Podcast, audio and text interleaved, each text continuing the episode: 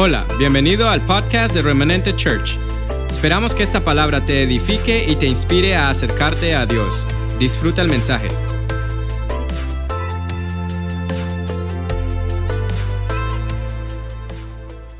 Buenos días. Qué rico estar aquí. Usted sabe que yo misma me invité a predicar. Yo le dije a Juan Carlos, yo quiero predicar mañana me voy a acostar a dormir, mañana me levanto temprano, me hago un café y voy a preparar la enseñanza. Y así sí, nos acostamos a dormir y esta mañana me desperté. Yo quiero que usted se ponga de pie, por favor. Usted necesitaba estar aquí. Yo necesitaba estar aquí. Usted necesitaba venir a la casa del Señor hoy. La enseñanza de hoy se llama Diga que no. Diga que no. Haga este ejercicio conmigo. Diga que no. Diga que no. Diga que no. En francés cuando le preguntan cómo está, ellos dicen, comment allez-vous? Y usted responde, se ve bien. Se ve bien diciendo que no. Diga que no. Diga que no. ¿A qué va a decir que no? Diga que no al dolor. Diga que no al pecado. Diga que no a la vergüenza. Diga que no a la falta de perdón. Diga que no a la infidelidad. Diga que no al robarse el futuro de las generaciones que Dios le ha entregado. Así que diga que no. De hoy en adelante vamos a aprender a decir que no. Se pueden sentar. Cuando usted y yo decimos que no al pecado, usted le está diciendo que sí a Dios, como decía la alabanza. Le decimos que sí a Dios. Le decimos que no a nuestra carne. Le decimos que no a nuestros deseos. Le decimos que no a nuestros pensamientos. ¿Cuánto dolor hubiésemos evitado y cuánto dolor nos hubiesen evitado si usted y yo hubiésemos tenido el valor de decir que no a un momento? De decir que no a una conversación, de decir que no a ir a un lugar con alguien que usted sabía que no debía ir, de decir que no a escribir cosas que usted y yo sabía que no, no teníamos que escribir. Usted y yo hemos pasado por situaciones muy dolorosas porque alguien que tenía que decir que no, no dijo que no. Usted y yo hemos pasado por situaciones y nuestras generaciones están viviendo consecuencias, porque las generaciones anteriores en una iglesia no le enseñaron a decir que no. Porque el, el domingo pasado cuando Juan Carlos hablaba de cosas que normalmente no se hablan aquí adelante, yo fue cuando dije, yo necesito hablar el próximo domingo. En las iglesias se nos ha hablado de muchas cosas que son muy buenas, que son muy necesarias para el diario vivir, pero hay cosas que no se dicen por temor a sonar fuertes, por temor a sonar groseros. No se trata de sonar groseros. Si en la iglesia del Señor no es el lugar donde usted aprende a decir que no al pecado. ¿Dónde va a aprender? Yo le aseguro que en un lugar nocturno a usted no le enseñan a decir que no. Usted le dice que no a todas las pasiones que incluye estar en ese lugar. En una habitación de un hotel con quien no es su esposa, usted muy difícil no puede decir que no. Aquí es donde a usted se le enseña a decir que no. Hay que aprender a decir que no a la vergüenza. Hay que aprender a decir que no al temor de hablar con nuestros hijos acerca de la drogadicción, acerca de la pornografía, acerca de la falta de lealtad con los padres. Crecimos con muchos tabús, pero en esta mañana Dios quiere hablarte a ti y a mí acerca de un espíritu que yo le doy gracias al Señor, que habló a mi vida y quiero hablarles a ustedes. El espíritu de Abnón el espíritu de la violación. Hemos violado muchos derechos de nuestros hijos, de nuestros sobrinos, de nuestros nietos, de nuestra pareja, de nuestros padres, porque no habíamos identificado que hay un espíritu que nos enseña a violar el derecho de otros, que nos instiga a violar el derecho de otros. Nuestra carne es visitada muchas veces por el espíritu de Abnón. Yo quiero que usted me acompañe, no he sacado las notas, vamos a sacar las notas para llevar un orden. Yo quiero que usted me acompañe a 2 de Samuel 13, 1, 21. Yo creo que muchos lo han leído y si no, no lo vamos a leer todo porque es bastante, del 1 al 21. Vamos a, a parafrasearlo y vamos a trabajar en eso. Abnón y Tamar. David no dijo que no. David no cerró la ventana donde él estaba asomado viendo a la mujer de otro. Y se quedó contemplando. Y la carne le decía, sí se puede. El marido no está. Usted es rey y la muchacha está simpática. ¿Cuánto más si usted puede tener dos mil concubinas? Dos mil una no se le va a notar. Usted sabe que usted y yo pensamos muchas veces que esos pecados pequeños no se nos van a notar, pero Satanás sí los nota. Satanás mal le paga a quien bien le sirve. Era un dicho de mi madre. Satanás mal le paga a quien bien le sirve. No se deje usar por Satanás para robarle y para violar a sus generaciones. David no dijo que no y creó una puerta generacional que la encontramos en Amnón, el hijo de David. Tampoco pudo decir que no. Entonces cuando usted y yo decimos que no, usted está diciéndole que sí a Dios para las nuevas generaciones.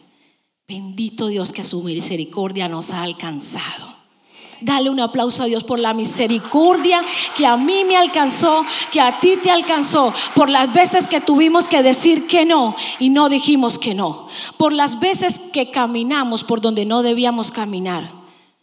Esa sensación tan fea cuando uno dice, ¿por qué dije lo que dije? Si ya había dentro el Espíritu Santo me había dicho, no lo diga, no lo diga.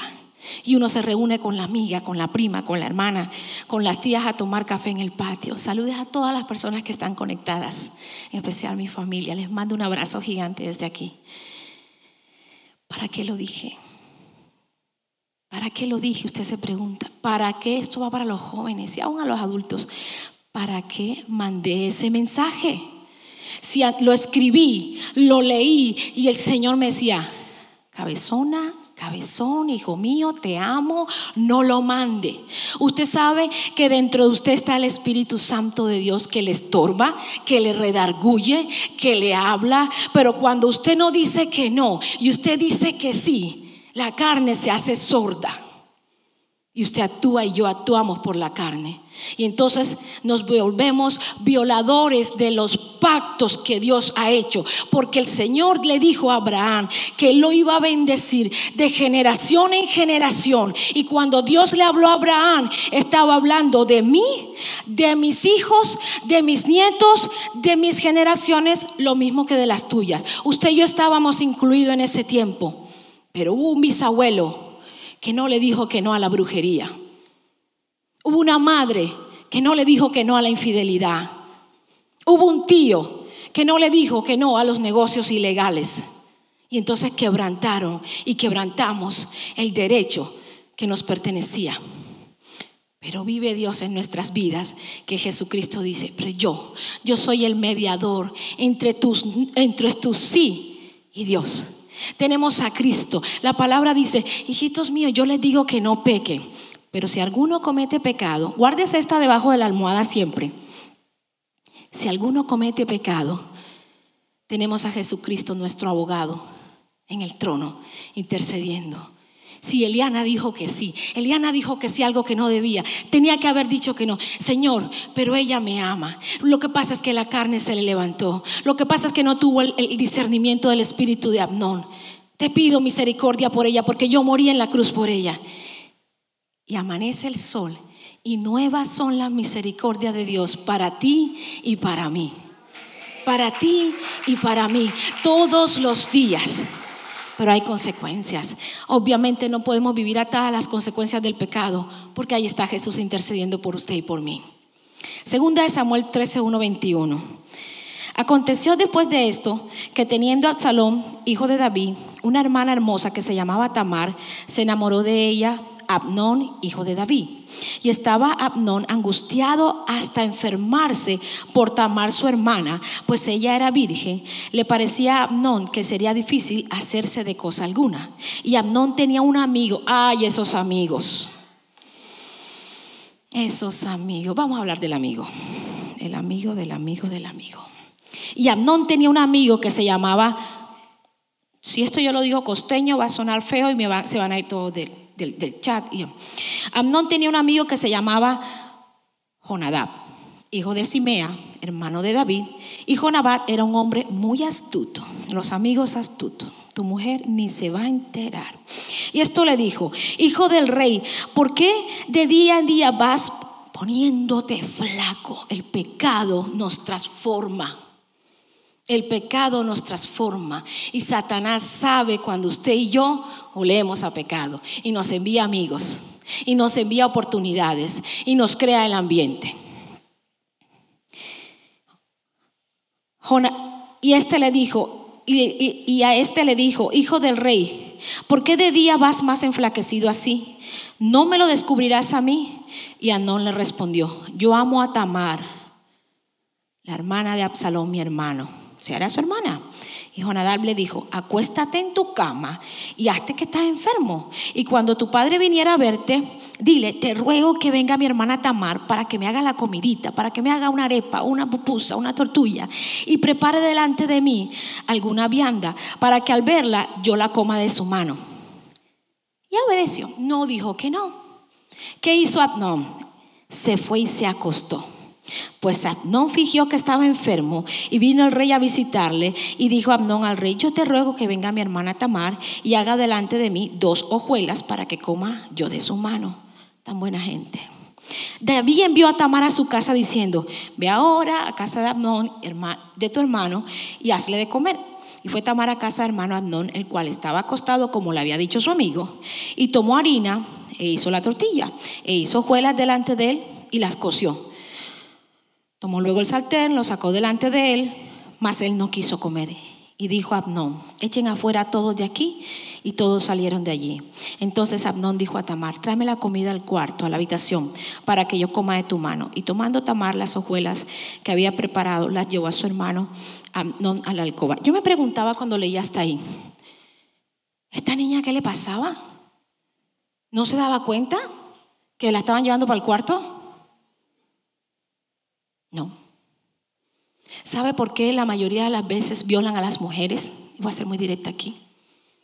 El abuso sexual y carnal hacia las mujeres es por nuestra tendencia maternal desde que nacemos. Las mujeres nacemos con una tendencia de dar cuidado, con una tendencia de proteger, con una inocencia de madre, de creer que todo debe ser como debe ser. Es mi hermano, está enfermo, le estoy cocinando. Me dice que le lleve la comida al cuarto porque está malito, está flaco de puro pecado. ¿Quién sabe qué anda pensando? No todos los flacos andan pensando cosas malas. De verdad que yo me preguntaba, esta niña me provocaba, Tamar no vaya para allá, Tamar no coja para allá. No exponga a sus hijas, no exponga a las niñas que Dios le ha dado, no exponga a las jóvenes. No la mande a cuidar el tío. No la mande a cuidar el abuelito. Eliana, eso está sonando feo. Yo sé por qué se lo digo. No porque mi abuelito me abusó. No, señor. Pero he escuchado muchas. No hay tanto dolor como cuando usted se sienta con una niña o con una mujer adulta. Y no ha empezado a hablar usted cuando esa persona empiezan a brotarle lágrimas incontrolables de su cara. Porque cuando fue niña, alguien le dijo, estás mal hecha, te voy a destruir. No mentira, no se le dice así.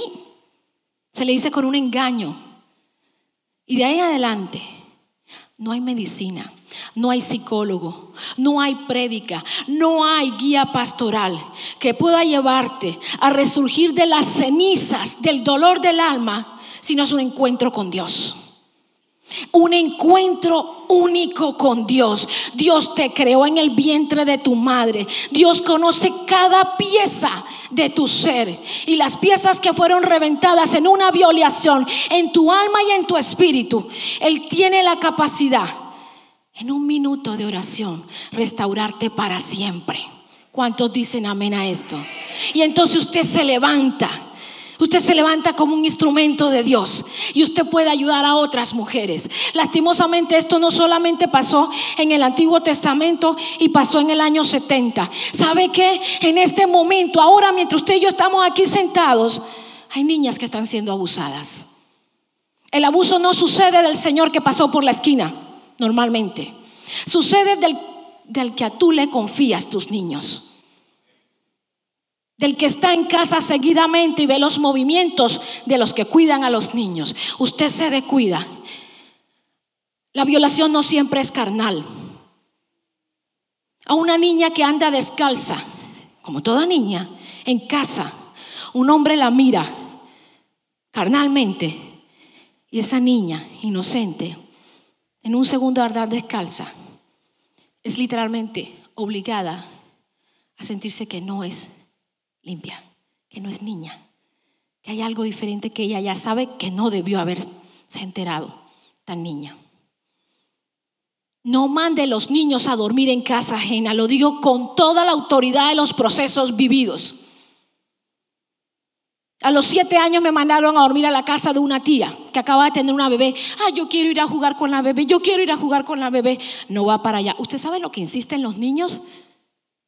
Pregunten las 500 mil noches que lloró mi hija los viernes para ir a, hacer, a dormir en la casa ajena, sleep hour. Convencí que me dejaran ir a dormir a la casa de la tía que tenía una niña recién nacida. Qué tío más lindo tenía yo. A medianoche el tío se despertó a querer cambiarme los pañales a mí, no a la hija de él. Pero estaba Dios. Y empecé a gritar como Tamar debió haber gritado. Y empecé a gritar y se prendieron todas las luces. No con eso, al día siguiente nos sentaron a comer en el piso. Y el tío se le dio por sentarse sin interiores delante de mí. Yo tenía siete años. No deje a las niñas y a los niños irse a casa ajena. No lo permita. No lo permita. Diga que no. Aprendamos a decir que no a nuestros hijos, porque los no que usted le enseña a sus hijos, esos mismos no le van a decir a los hijos de ellos. Y usted le va a evitar que la generación siguiente sea tocada por el espíritu de Abnón, que viola los derechos de las niñas.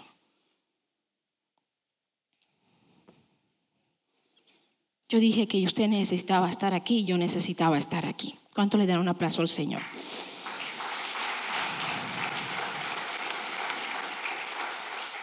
Yo sé que no está sonando muy bonito. Entonces Abnón dijo a Tamar, trae la comida a la alcoba para que yo coma de tu mano. Y Tamar se fue y le llevó las tortillas. Y cuando ella se las puso delante para comérselas, se asió de ella y le dijo, ven hermana mía, acuéstate conmigo. Y ella entonces le respondió, ¿qué dijo ella? Ella dijo que no, léalo conmigo, no coma. Hermano mío, no me hagas violencia, porque no se debe hacer así en Israel. No hagas tal vileza, porque ¿a dónde iría yo con mi deshonra? Y aún tú serás estimado como uno de los perversos de Israel.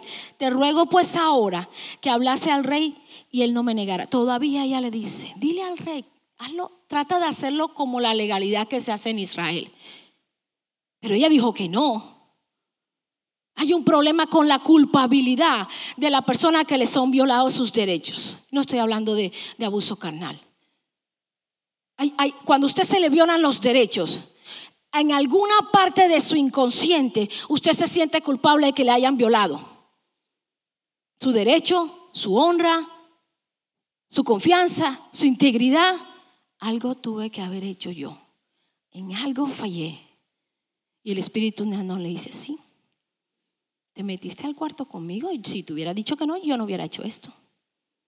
Termina Satanás dejándote sentir culpable de la situación.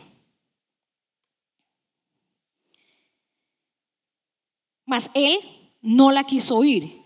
Él no dijo que no. No la quiso oír, sino que pudiendo más que ella, la forzó y se acostó con ella. Luego la aborreció a Abnón con, tan gran aborrecimiento que el odio con que la aborreció fue mayor que el amor con que la había amado. Y le dijo a Abnón, levántate y vete. Aquí me voy a detener un poquito. Hay pasiones, no todas las pasiones son malas. La iglesia necesita apasionarse porque vuelvan a suceder milagros. La iglesia necesita apasionarse por servirnos los unos a los otros. Pero hay pasiones guiadas por este mismo espíritu, en la cual una vez usted se sacia, le visita un aborrecimiento por lo que hizo. Y entonces queda afectada la persona que se le violaron los derechos y queda usted afectado por la acción que hizo. Y dice Satanás, lo logré, lo logré.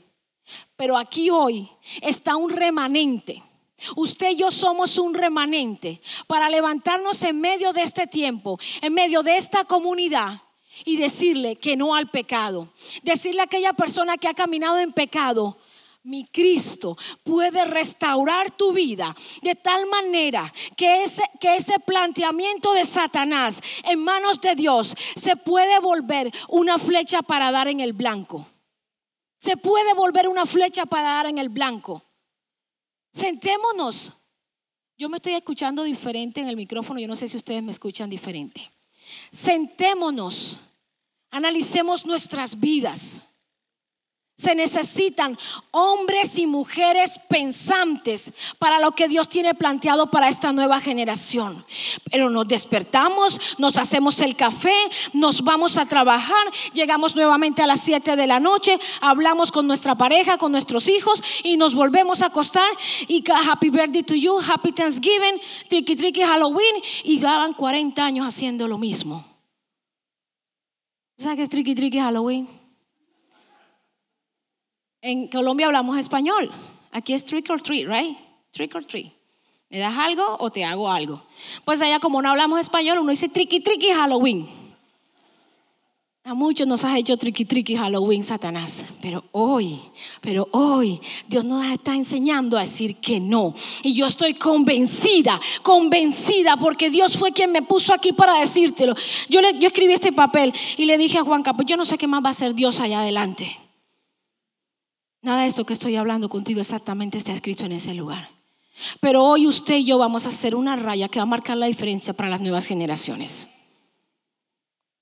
Juan Carlos hablaba de una película que nos vimos, se llama Pretty Boy, Beautiful Boy, Beautiful Boy. Todos los jóvenes que, están aquí, yo, yo recomiendo que se vean esa película.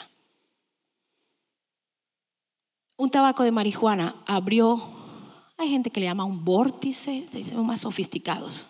Abrió un vórtice, abrió una puerta a Satanás. Hay personas que de repente se fuman un tabaco marihuana en su vida. Ay, Eliana, se está sonando feo eso en la prédica. Yo sé que se está sonando feo. Y nada pasa. Y lo dejan como una memoria. Pero hay personas que alguna vez le dan un cigarrillo, vamos a nombrarlo más decente. Un cigarrillo y de ahí para adelante no pueden volver a hacer lo mismo. Caen en un vacío infinito que cada día, entonces como que de un día fumaste un cigarrillo, hoy ya te fumas cuatro cajas y tres cajas al día. Porque cada día es más grande el vacío. Cada día es más grande el vacío. Y así pasa con muchas cosas. Así pasa con la gente que deja que sus niños pequeñitos digan mentiras. Y la mentira un estado normal para aquel que desde niño dice mentiras. Y crece diciendo mentiras. Y se vuelven adultos diciendo mentiras. Y se mueren. Y su vida fue llena de mentiras. Acnón quiso destruir, el espíritu de Amnón quiso destruir a Tamar. ¿Usted sabe qué significa Tamar? Yo sé que más de uno aquí sabe qué significa Tamar. Tamar significa palmera. La Biblia dice que usted y yo daremos fruto y flores como las palmeras del desierto. ¿Y acaso no es verdad? Todo lo que usted y yo hemos vivido y dónde estamos. Levantando manos santas, adorando a nuestro Dios, congregándonos aquí, recibiendo una porción de la palabra para usted hacer la diferencia en las generaciones venideras. La palmera en el invierno se mantiene verde, la palmera en la tormenta se mantiene firme y la palmera en el verano da sombra. Usted y yo somos como las palmeras. No lo digo yo, lo dice la bendita palabra del Señor. Yo no sé cuántas tormentas usted haya atravesado. Yo sé cuántas tormentas he atravesado. Usted sabe cuántas tormentas ha atravesado. Usted sabe cuántas tormentas ha atravesado su familia. Pero Dios te dice en esta mañana, como Tamar, levántate. Ella se levantó. Casualmente por eso me puso un vestido de colores. Ella, cuando fue a donde su hermano, inocentemente, maternalmente, se vistió con un vestido de colores diciendo, yo soy feliz, yo soy una doncella, yo soy una hija del rey. Usted y yo somos iguales. Usted es un hijo del rey. Usted está vestido con colores específicos. Usted está sentado en lugares celestiales con Cristo Jesús. Los ángeles quieren hacer lo que usted y yo podemos hacer. Abrazar a alguien que está en dolor. Sostener a alguien que está en pecado. ¿Quieres que le cuente un testimonio? No mío. Hoy, hoy no he dicho nada de Juanca. No digo nada de ti. Voy a contarles una de Juanca. Estábamos en Italia. Y Juanca se pasó toda la mañana mientras nos arreglábamos preparando cómo iba a saludar al, taxista. Ya estos varios los han escuchado. ¿Cómo se dice? Se dice buongiorno. Buongiorno, buongiorno, buenos días, buenos días, buongiorno, buongiorno, buongiorno, buongiorno, buongiorno. ¿Cómo que se dice en la tarde? Buonasera, buonasera, buonasera. Llegó la señora a las seis y media de la mañana a recogernos para irnos al tour. Se monta el caballero y dice, buonasera. Eso nos pasa cuando nos ponemos a hablar cosas que no debemos decir. El espíritu de Acnón hace que usted cambie de conducta. Usted cuando se encuentra con el resultado de las decisiones que no debió haber tomado, usted se desconoce. Usted, ¿cómo pude? ¿Cómo pude? ¿Cómo llegué hasta ahí? ¿Cómo hice eso? ¿Cómo fui capaz? ¿Cómo? Usted se desconoce porque el espíritu de Abnón le cambia, le cambia en el momento de la pasión, de la pasión por, por las cosas que no debemos hacer. Ojo, no se enfoque solamente en lo que él hizo con Tamar. Los no que usted y yo tenemos que decir es hasta los malos hábitos. Los malos hábitos. Hablaba yo con alguien ayer, no, no, yo no soy, yo no soy cristiana. A mí me gusta verte en la televisión y, los otros pastores, ese que viene de, Pereira, a mí me gusta también él, me decía la señora. Pero no, yo no soy cristiana. Yo le dije, ¿tú has hecho la oración de fe? Sí, claro, ustedes acá rato hacen eso, pues yo lo hago. Eh, ok, y escuchas la prédica, ¿verdad? Sí. yo le dije, bienvenida, tú eres cristiana evangélica, aleluya. No, yo no voy a la iglesia, pero tú eres miembro. Tu nombre está escrito en el libro de la vida. Tú escuchas palabra. Me encantó lo que compartió Cristian. Hay gente que cree que tiene la identidad cristiana porque viene a la iglesia. Hay gente que ha pasado 40 años sentado en una iglesia y escucha un mensaje con esto y prefiere irse de la iglesia. Necesitamos ser libres de las vendas que Satanás nos ha puesto. Esta es la mejor escuela para el futuro. Esta es la mejor escuela. Yo le decía a ella, tú te pareces a mí, a la que decía que ella no iba a la iglesia. ¿cómo así? Yo le mira, yo soy miembro de un gimnasio, yo pago la cuota del gimnasio, pero nunca voy. Yo soy miembro. Si usted busca y pregunta por mí, ahí estoy yo escrita, tengo el carnet para entrar. Pero no voy. Usted es cristiana evangélica, aleluya, pero no va a la iglesia. Y se pierde una clase como esta si no se conecta en Facebook. El espíritu de Abnón hace que cambie de conducta. El enemigo quiere violar lo que Dios dijo de ti. La pregunta es que usted y yo muchas veces no sabemos exactamente qué fue lo que Dios dijo de ti. Pregunta a la persona que está a tu lado, ¿qué dijo Dios de ti? ¿Qué dijo Dios de ti? Nora, ¿qué dijo Dios de ti? Amilcar, ¿qué dijo Dios de ti? Alba Lorena, ¿qué dijo Dios de ti?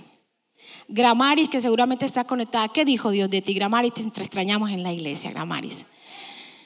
¿Qué dijo Dios de ti, Carlito, Leito? ¿Qué dijo Dios de ti, Carmen? ¿Qué dijo Dios de ti? Dios dijo que usted es su hijo, que usted es heredero, que usted cuando cree, confiesa y no duda, todas las cosas le son posibles. Dijo Dios de ti, te quiero bendecir sepiternamente. Oiga, tremenda palabra. Tenía que decir algo bueno porque he dicho muchas cosas fuertes. Dios hizo un pacto contigo, sepiterno. ¿Qué es eso, Eliana, que suena extraño? Que tiene comienzo, pero no tiene fin. Dios es eterno, pero Él hizo pactos contigo. Eternamente te quiere bendecir. Pero usted y yo todo el tiempo, Abnón te está puyando la carne. Dice que no, no, yo no puedo. No, yo no quiero. No, yo no voy. No, yo no entro al Zoom. No, yo no compro ese libro. No, yo no diezmo. Eliana no se salga del camino.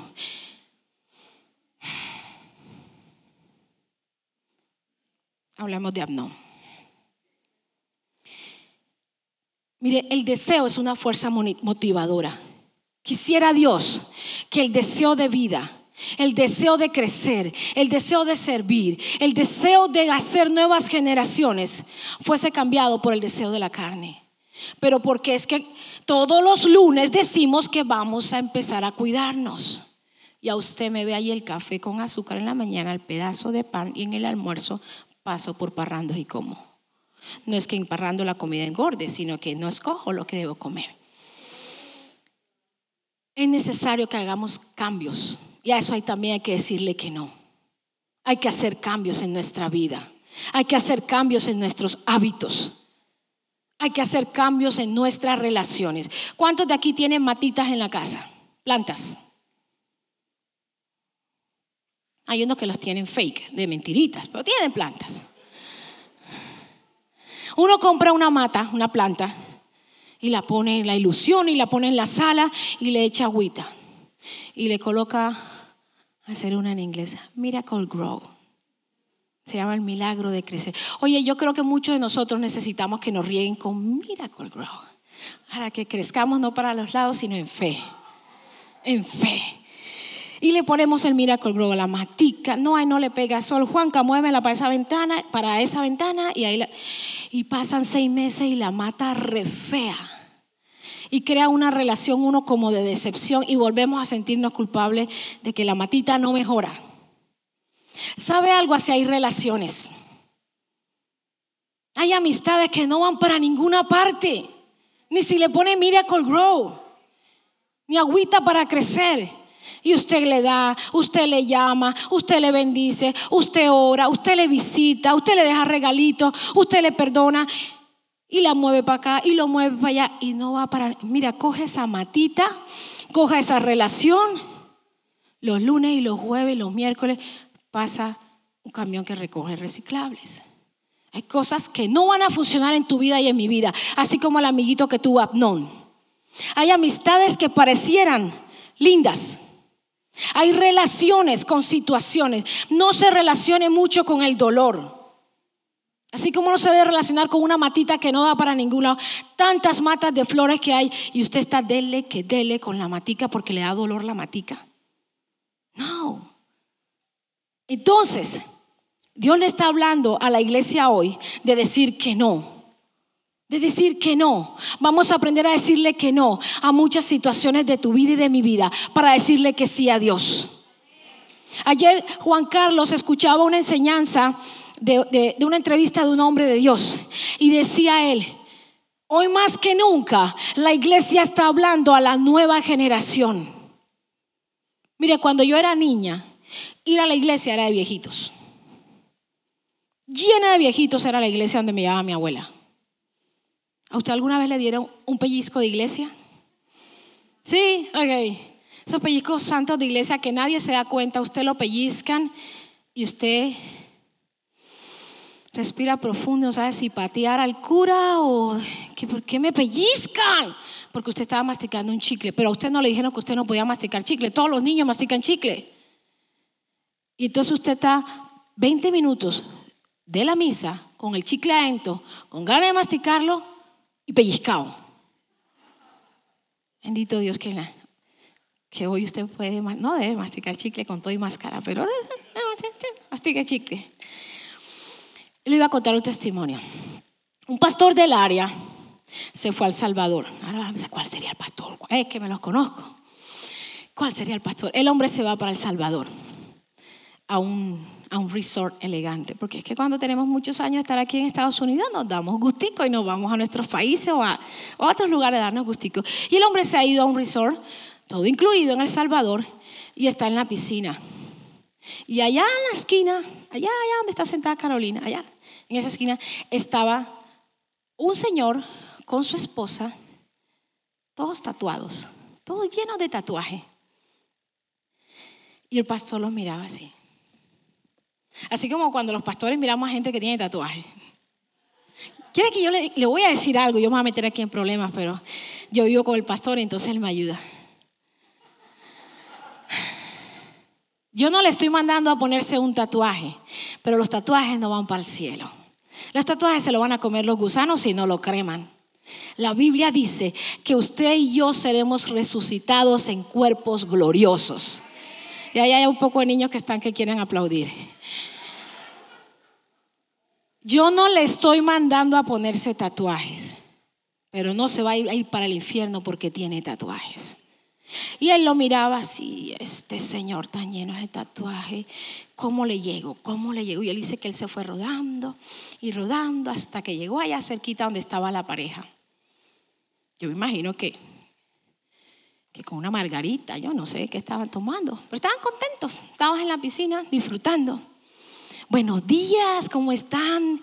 Era lo que le llaman las, piscinas infinitas, que usted está así, pareciera que no tiene fin la piscina, pero allá se ve el mar.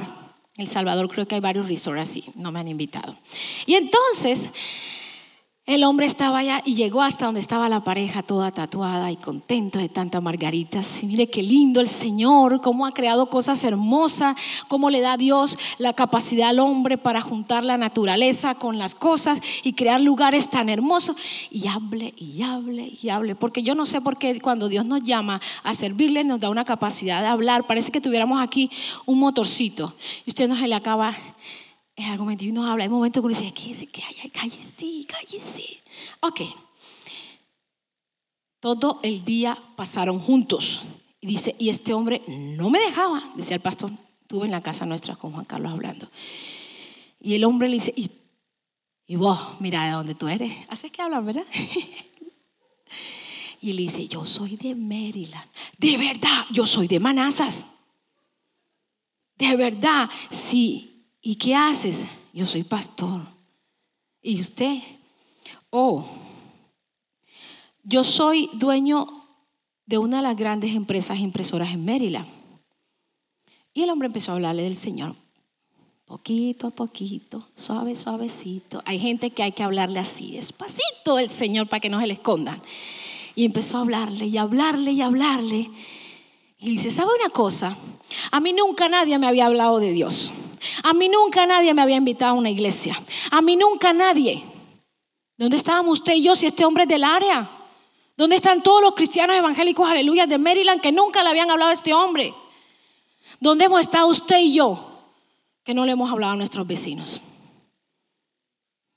Así, pasito a pasito, suave, suavecito, háblele. ¿Y cómo le hablo? Con tu testimonio con la evidencia de la autoridad que tenemos de Cristo resucitado. Háblele con su testimonio. Yo quiero que de ahora en adelante usted sea mi amigo, le ha dicho el hombre, todo lleno de tatuajes, al pastor. Yo quiero que usted sea mi amigo. ¿Tú conoces algún local en Manazas? Yo necesito mover parte de mi compañía para Manazas. Bueno, volvieron, se despidieron, recibió a Cristo, se, despidieron, nuevamente aquí en Maryland y en Manassas, se conectaron, el pastor le consiguió el, el local y le dijo, pastor, yo quiero que de ahora en adelante usted sea mi socio. Y el pastor le dijo, no, ¿y cómo así si yo no trabajo? No, no importa. Yo, yo quiero, yo deseo del 50% mío sea para tu iglesia. Yo quiero ser tu amigo. Yo quiero ser tu socio. ¿Quiere que le diga algo? Si usted y yo no le damos a Dios aquí en remanente lo que a Dios le pertenece, Dios traerá a alguien de allá afuera que va a ocupar el lugar de la bendición y dará a la iglesia y dará a los hijos de Dios que necesiten lo que usted es un derecho suyo, darle a Dios para que Dios le multiplique y usted cambie sus generaciones. Dios lo va a hacer contigo, conmigo, sin usted y sin mí, como sea, pero Dios lo va a hacer. Este pastor se quedó solo con 50 personas después de la pandemia, una iglesia grande aquí en Manazas, y no tenía cómo pagar los gastos de nómina y el local. Pero vino Dios, a uno todo tatuado, del cual Dios tuvo misericordia y el pastor se movió en obediencia y lo está usando para bendecir a este pastor aquí en Manazas. Yo quiero que Dios me use. ¿Usted quiere que Dios le use? Dele un aplauso al Señor. Usted sabe cómo Dios quiere usarle en bendición. Dios quiere darte tanto, tanto, de tal manera que aún tú dando, no te falte nada. Dios no te va a quitar a ti. Dios quiere bendecirte. Dios quiere que te toquen la puerta y te digan, ¿dónde está para yo firmar el negocio contigo? Yo tengo este capital, ¿por qué no montamos un negocio juntos? Dios anda buscando a quien bendecir, pero usted y yo todo el tiempo tenemos miedo. ¿Por qué tenemos miedo? Porque el espíritu de Abnón nos violó el derecho desde niño de que no merecíamos nada si no hacíamos algo. De que todo era imposible, sobre todo para nosotros los hispanos. Todo tiene que costar trabajo. Todo tiene que costar un sacrificio. Todo ¿Cuántos años tiene? Yo tengo un año de estar en Estados Unidos. Ah, no, yo tengo 20. Mija, a ti te va a pasar esto, te va a pasar. Pues no, no te tiene que pasar lo que le pasó a otros. No tiene que pasar de la misma manera. Mire, yo no sé usted, pero a mí me está pasando. Me despierto a las 6 de la mañana y en un ratico, que me gusta que me hagan así en la predica, y en un ratico son las 10 y en un ratico son las 3 y al rato a las 11 y media le digo, Juanca, vamos a dormir rápido para despertarnos rápido porque el día se acabó. Nosotros todas las noches decimos lo mismo, vamos a acostarnos rápido para dormir rápido, para despertarnos rápido. ¿Qué es esto? Los días van rápido. Entonces lo que a usted le costó y lo que a mí me costó 20 años, usted que le cree a Dios le va a costar un año. Pero tiene que obedecer, tiene que decirle que no al pecado, tiene que decirle que no. Lo digo. Si no me invitan a predicar, lo hago en Facebook.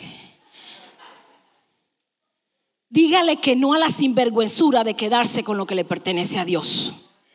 Dígale que no. Hermana Eliana, eso no me gustó, yo necesito hablar con usted. Yo también necesito hablar con usted. Yo vengo de donde no había nada. Yo llegué a este país sin nada. Yo no veía a mi esposo. Porque como acaba de llegar, tiene que trabajar 19 horas diarias. Los dos, tres primeros años en remanente pensaban que yo era mamá soltera porque mi esposo tenía que trabajar los domingos. Carolina dice que ella también. Pero le creímos a Dios. Le creímos a Dios. Le creímos a Dios en esta casa. Le creímos lo que dice la bendita palabra. Da y se os dará. Da y se os dará. Usted que está diciendo, mire, hermano René, 20 años atrás, perdone que lo nombre. ¿De qué color era la, van, chiquita que teníamos para meter todas las cosas de remanente? Ocre. Una van ocre. Ahí él yo no sé cómo él le daba un estiramiento anormal ahí. Ahí metíamos todas las cosas de la iglesia, porque estábamos en una escuela primaria donde la pastora cantaba Marcos Witt y cantaba Marrientos y cantaba Danilo Montero con una pista.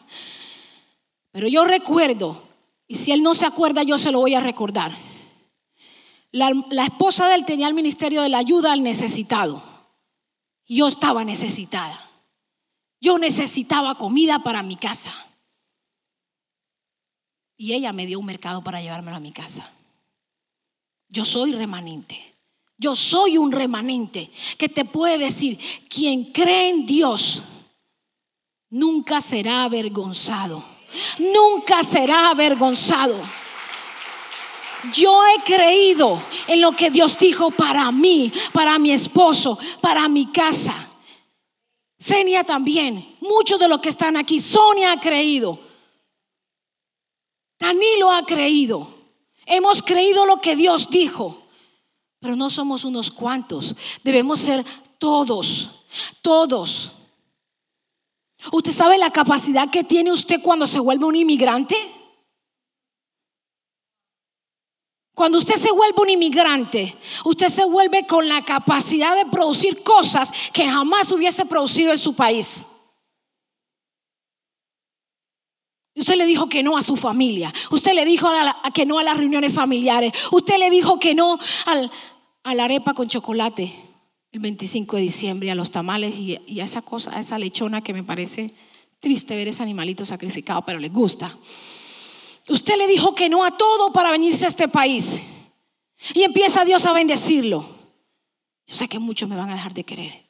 Y el rato sale con la sinvergüenzura de que ya la mujer con la que se vino para Estados Unidos no le gusta, sino que le gusta la que conoció aquí. Diga que no al pecado. Manténgase firme en la bendición que Dios le dio. La Biblia dice, mantente fiel a la mujer de tu juventud, porque esa fue la que yo creé para que tuvieras hijos con ella y se cumpliera lo que yo dije en Génesis. Multiplícate. Un hombre solo no puede hacer hijos, una mujer sola no puede hacer hijos, se necesitan dos. Entonces, ¿por qué no le va a venir a usted a decirle la mentira? La que tiene ya está fea. O el que tiene ya está gordo. Y usted se merece algo mejor. ¿Sabe que no nos merecemos nada? Todo se nos ha dado por gracia y por misericordia. Todo se nos ha dado por la misericordia del Señor. Todo. Hasta los zapatos que tengo puestos que estoy, que me aprietan y me dan calor. Usted no sabe por qué es que yo me estoy moviendo tanto. Les cuento una intimidad. Me gustaron tanto, tanto, tanto estos zapatos. Yo soy 37 y los había 36 y me los traje.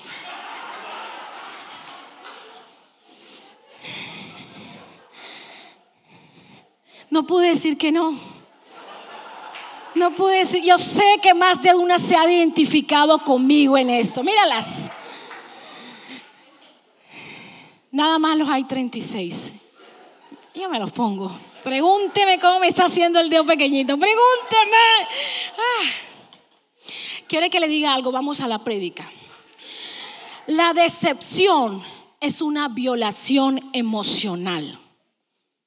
No levante la mano, pero yo sé que todos la vamos a levantar. De alguna u otra manera nos han decepcionado.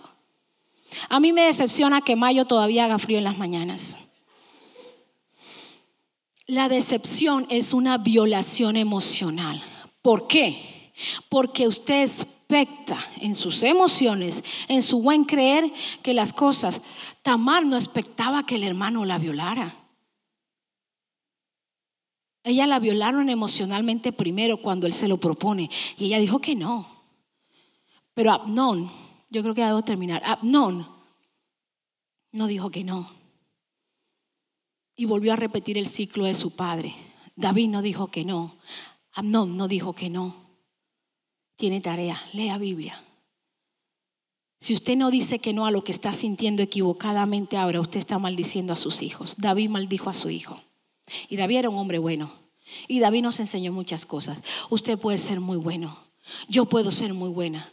Pero si a ciertas cosas que usted sabe que Dios le está hablando hoy, hábitos, relaciones, el quedarse con lo que le toca a Dios, el hablar mal de la iglesia. Si yo le digo algo que a usted no le gusta, que a usted le molesta, yo quiero pedirle perdón. En mi corazón no está ofenderle.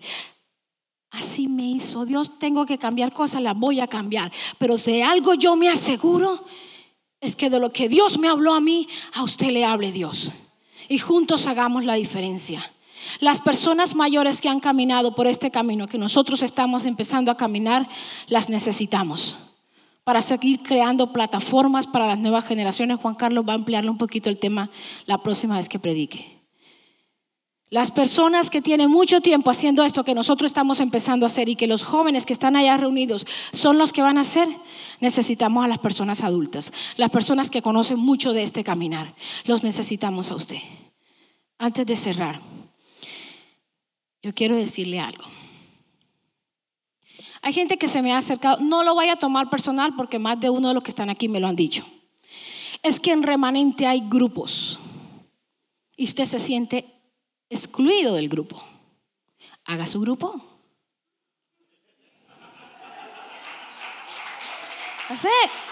Yo tengo mi grupo. Todos los lunes nos reunimos. El sábado entrante vamos a hacer una fiesta al Día de las Madres y usted no está invitado porque usted no está en mi grupo. Mentira, usted puede venir. Haga su grupo. ¿Sabe por qué? Porque hay personas que tenemos afinidades. Hablamos de ciertas cosas en común.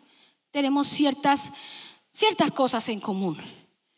Usted nunca me va a llegar a conocer a mí tan cerca como me conocen las personas con las cuales me relaciono constantemente.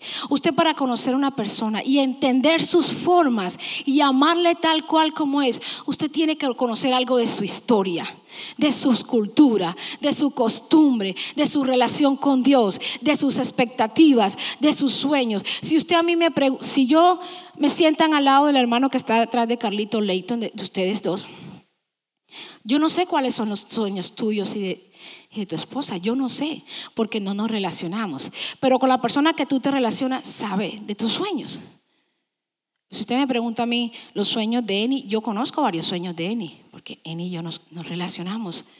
Es necesario relacionarnos, pero no nos podemos relacionar todos a la misma vez. No podemos. Entonces es necesario los grupos de conexión. Conéctese con alguien. Entre semana, conéctese con alguien y creemos grupos que nos hagamos fuertes, no para criticar lo que se hace en la iglesia. ¿Quiere que le diga algo? Nunca la vamos a hacer como usted quiere. No lo vamos a hacer como usted quiere. Tratamos de hacerlo como Dios dijo. Porque su agenda es suya. La agenda de Dios es nuestra. Es la de Dios. No lo vamos a hacer ni en esta iglesia ni para la otra, ni, ni los que se fueron para otras iglesias han conseguido que se hagan como ellos los quieren hacer, porque no son nuestras iglesias. Esto no es un club. Esto no es un club, esto es un lugar donde nos reunimos para adorar a Dios, para bendecir a Dios, para darle lo que a Dios le pertenece, para que usted aprenda de una palabra. Y hoy hemos aprendido un espíritu de Abnón. Y entonces durante la semana usted lo trabaje en su casa, usted lo trabaje con sus hijos, usted lo trabaje con su... ¿Viste a la hermana Eliana predicando los zapatos chiquiticos? No hable de eso, hable de Abnón. Busque qué significa una palmera, busque cómo se multiplica una palmera, busque cómo se sostiene una palmera, busque la identidad de Dios. Los sueños de Dios para ti son maravillosos. Los sueños de Dios para ti son eternos. No nos quedemos en las cosas de la carne. No nos quedemos en lo que duele y en lo que huele feo, en lo que avergüenza, en lo que hace daño. Si los abuelos le hubiesen, le hubiesen predicado esto a un abuelo y el abuelo hubiera dicho que no, usted fuera pastor y usted tuviera una iglesia llenísima. No, un solo amén. Usted tuviera un grupo de hombres y mujeres liderándolos, empresarios, jóvenes con problemas de drogas, joven con problemas de alcoholismo, ya está bueno de reunirnos todos los domingos, todos los mismos, de los mismos, y no pasa nada. Tiene que pasar algo en la comunidad. Vaya al 7-Eleven, vaya donde sea, busque a todos esos tatuados que la gente los mira. Cambia la vida con un abrazo. Llévele un café, entre al café, al 7-Eleven, compre 10 cafés y salga y regale los cafés a los que están afuera. Y dígale que aquí estamos esperándolos. ¿Ya, quitaron el club que se llamaba 90 grados aquí en Manasa? No les dé pena decir, ¿ya lo quitaron? 90 grados, no, no lo han quitado. Vaya a 90 grados, no en la noche, pero sí en el día. Y empiece a orar. Párese ahí en la puerta de 90 grados y empiece a orar. Empiece a hablarle al Señor. Señor, yo te oro por todos los cabezones y las cabezonas que tienen a las esposas en casa y vienen a buscar pareja a 90 grados.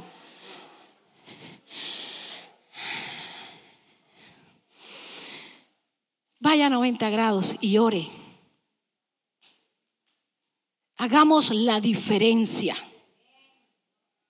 No expectemos más de la iglesia. Tanto hemos dicho, tanto hemos dado. Y cuando usted dice que no hacer lo que Dios le ha dicho, usted y yo estamos violando el pacto para otros. Usted y yo somos el único puente para llegar a Cristo. Yo quiero dejarlo con esa responsabilidad. Usted que tiene mujer e hijos, usted es responsable de su casa, no la iglesia. Usted es responsable de sacar el pecado de su casa.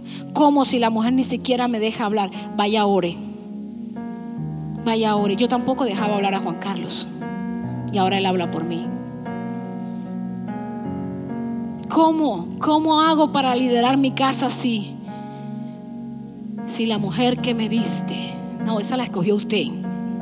Esa la enamoró usted. Esa usted la conquistó. A esa usted le hizo muchas promesas. Agarre la pareja que tiene a su lado, su esposa, su amiga, su compañera. A esa usted la conoció muchachita hermosa. Ya no me imagino a Milcar dándole la vuelta a la flaca más bella remanente. A esa, a esa Dios se la dio para que junto engendraran hijos. Y esos hijos sean las flechas con las que usted va a dar al blanco. Usted y yo nos vamos a morir. Pero tus hijos y tus nietos hablarán del entrenamiento que tú hiciste en tu casa. Yo no puedo, mi esposo no puede ir a hacerlo por tus hijos. No podemos.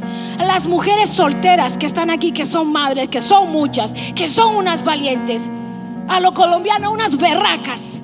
Yo quiero decirle, no se canse de hablar del Señor en casa, pero testifique al Señor en casa testifique al Señor en casa, con sus acciones, con su respeto, con el servicio en la casa. Póngase de pie, por favor. Gracias Dios. Gracias Dios. Gracias Señor por tu palabra. Gracias Dios. Alabado seas tu Señor en tu casa, en tu presencia. Juan 13:35 dice, Juan 13:35, si no me equivoco.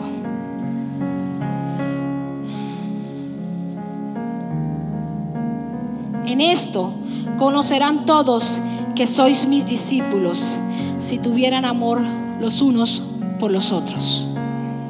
Tenemos que amarnos. Tenemos que servirnos. Tenemos que amarnos. Somos una familia. Somos una familia. La semana pasada se graduó la niña de Raquel Cabrera y usted viera la fiesta que hicimos en casa. A esa niña la conocimos así. Y hoy es una profesional de las mejores universidades de Virginia. ¿Cuánto le da un aplauso al Señor por eso? Somos una familia. Princesas las conocimos pequeñitas. Yo tengo fotos de ustedes niñas. Ustedes son el futuro de esta generación.